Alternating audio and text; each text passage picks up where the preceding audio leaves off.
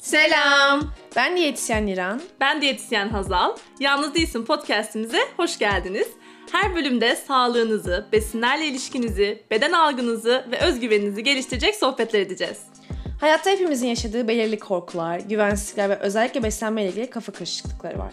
Bunlar konuşulmadığı için bazen yalnız olduğunu hissedebilirsin. Ama biz de diyoruz ki Yalnız değilsin.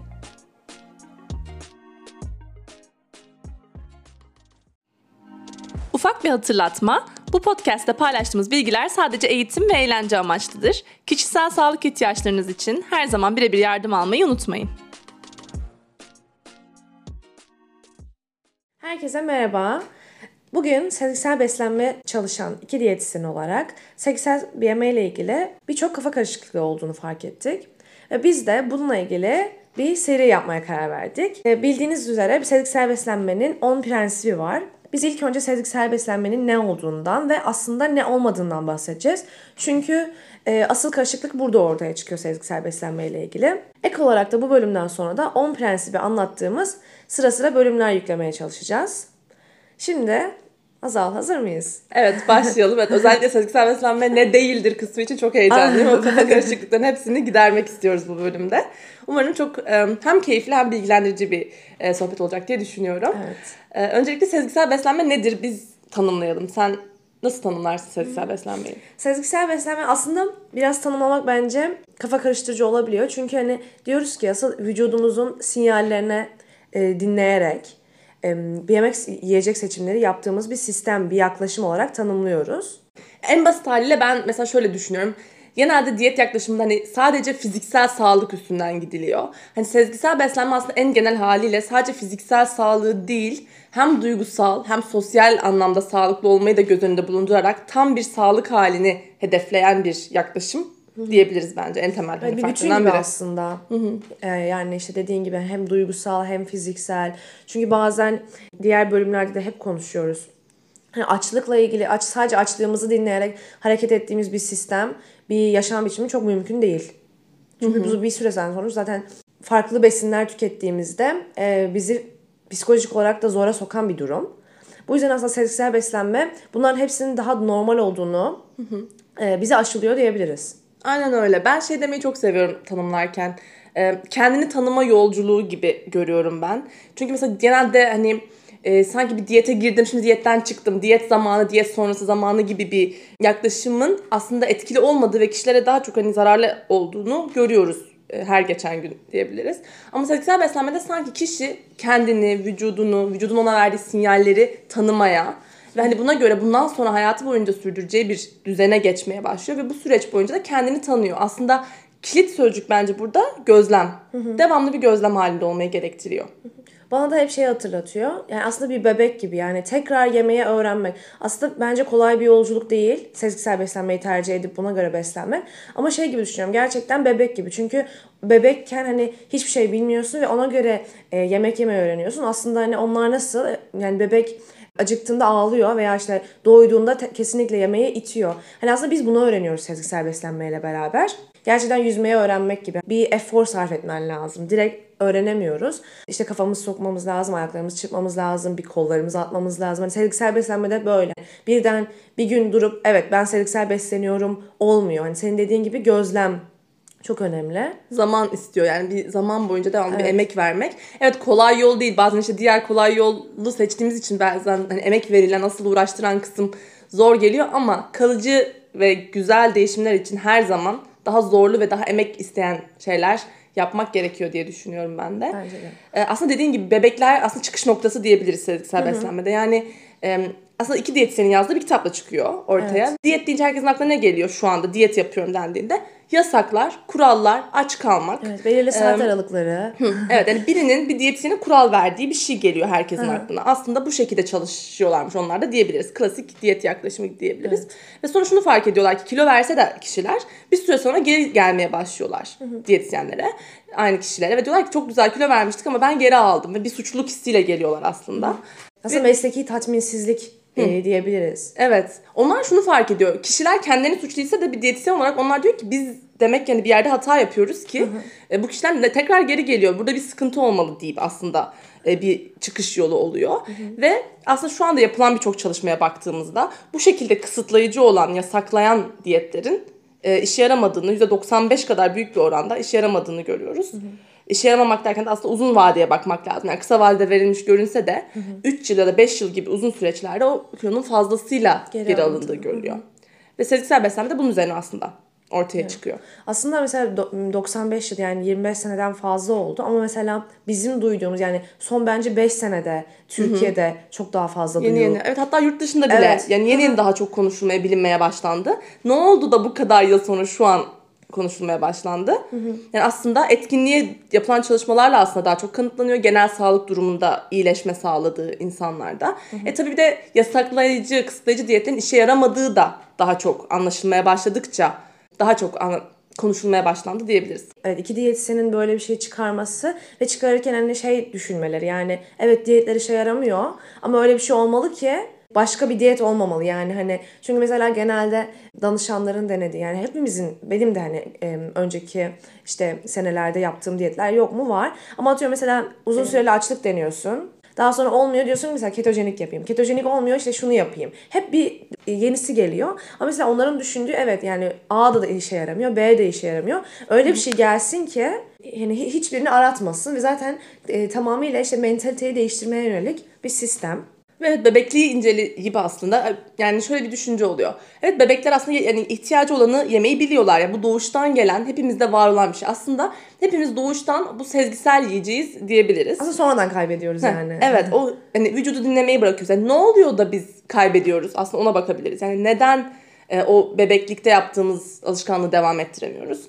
Mesela benim ilk olarak aklıma gelen Türkiye'de de çok fazla olan bir şey. Tabağını bitirmeye zorlama alışkanlığı mesela. Yani çocuk doydum dese de doydun halde yemen gerektiği, tabağını bitirmeye zorlama e, çok oluyor. Ya da e, tam tersi oluyor. Mesela aç değilken yemeye zorlama da olabilir. Yemek vakti geldi mesela. Biz de hani mesela atıyorum yedi yemek vakti geldi. Herkes sofraya otursun.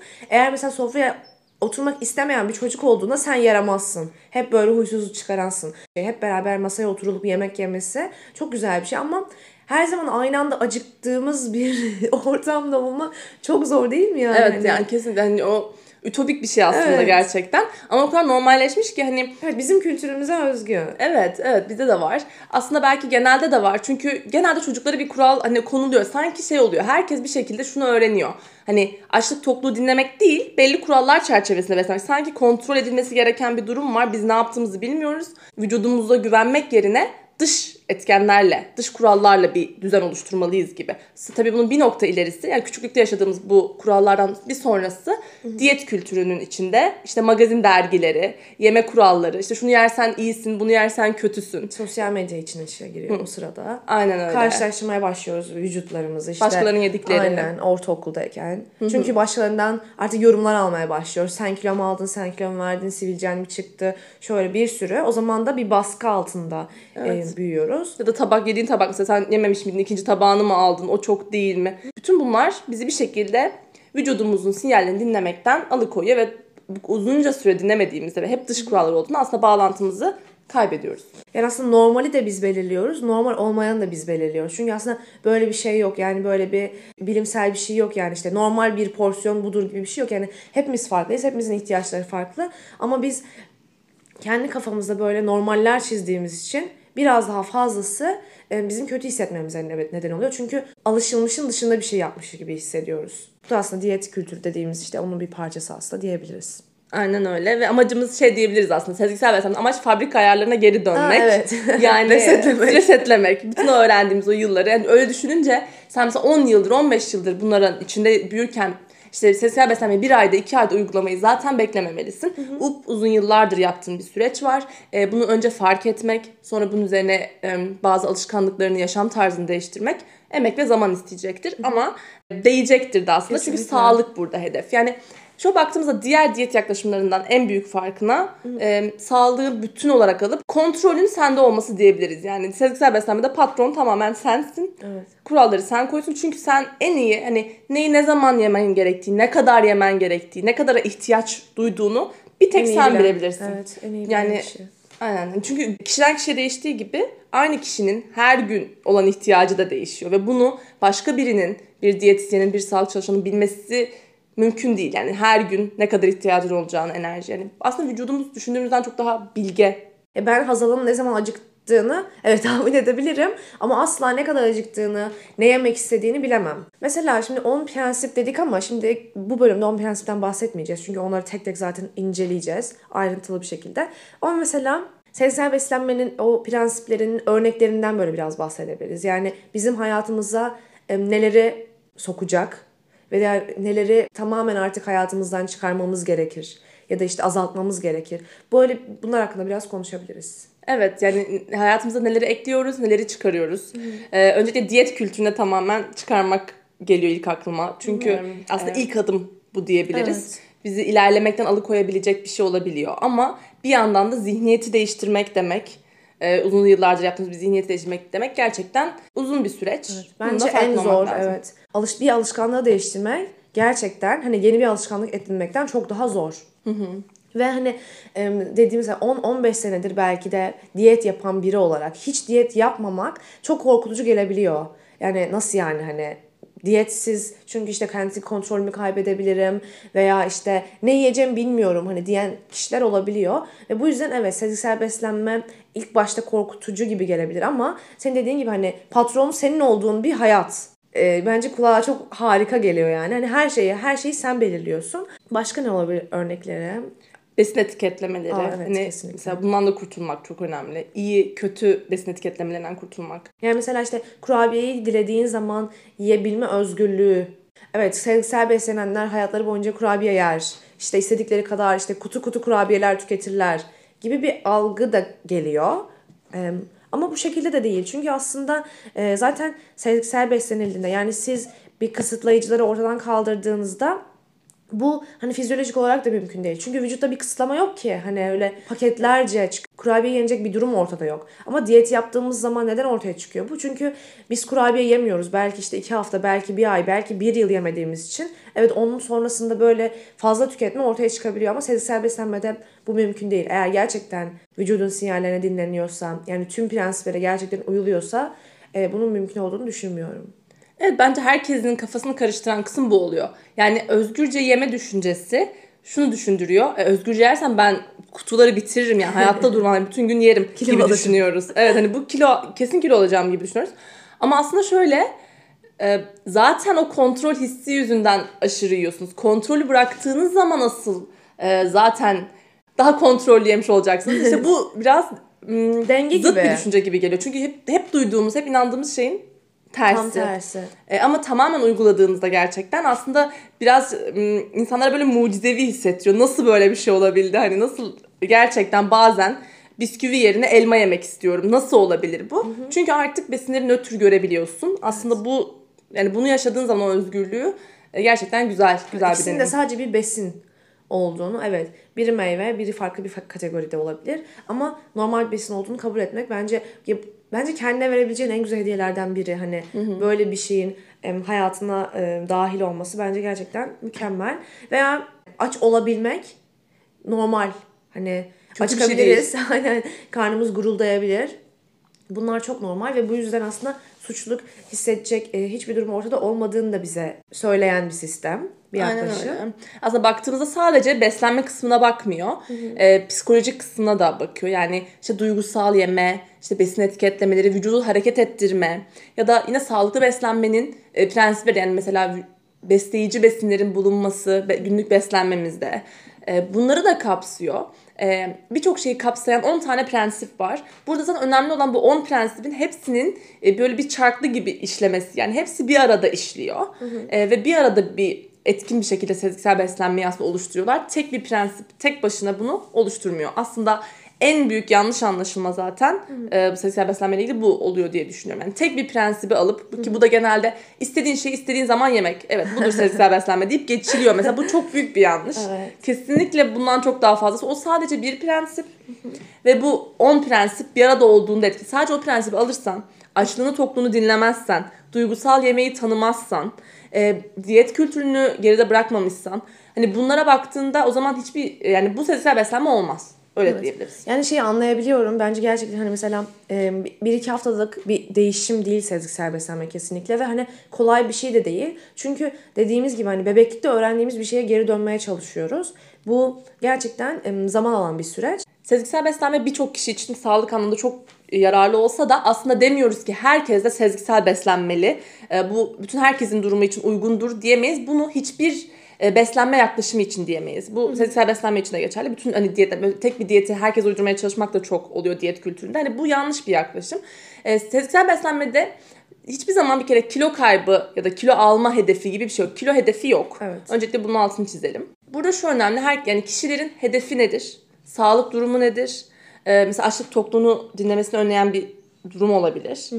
Bütün bunların göz önünde bulundurulması ve bunun doğrultusunda hani kişiye uygun yaklaşımın belirlenmesi önemli. Bir de gerçekten istiyor mu beni? Yani annem istiyor diye ben sezgisel beslenmemeliyim veya işte ben gerçekten istemeliyim. Yani bir ar- arkadaşım istiyor. Arkadaşım sezgisel beslenmeye başladı diye alıp kitabını okudu diye ben de başlamak zorunda değilim. Buna gerçekten isteyip hani gerçekten gönül vermek gibi söyleyebiliriz. Çünkü hani bu hayatın değişmesi aslında. Yani hani evet sezgisel e, sadece mesela beslenme kelimesi içinde geçse de bu aslında tamamen bir değişim. Ve bu yüzden bence asıl hani ilk kendinize soracağınız soru ben istiyor muyum olabilir ya da hazır mıyım olabilir yani.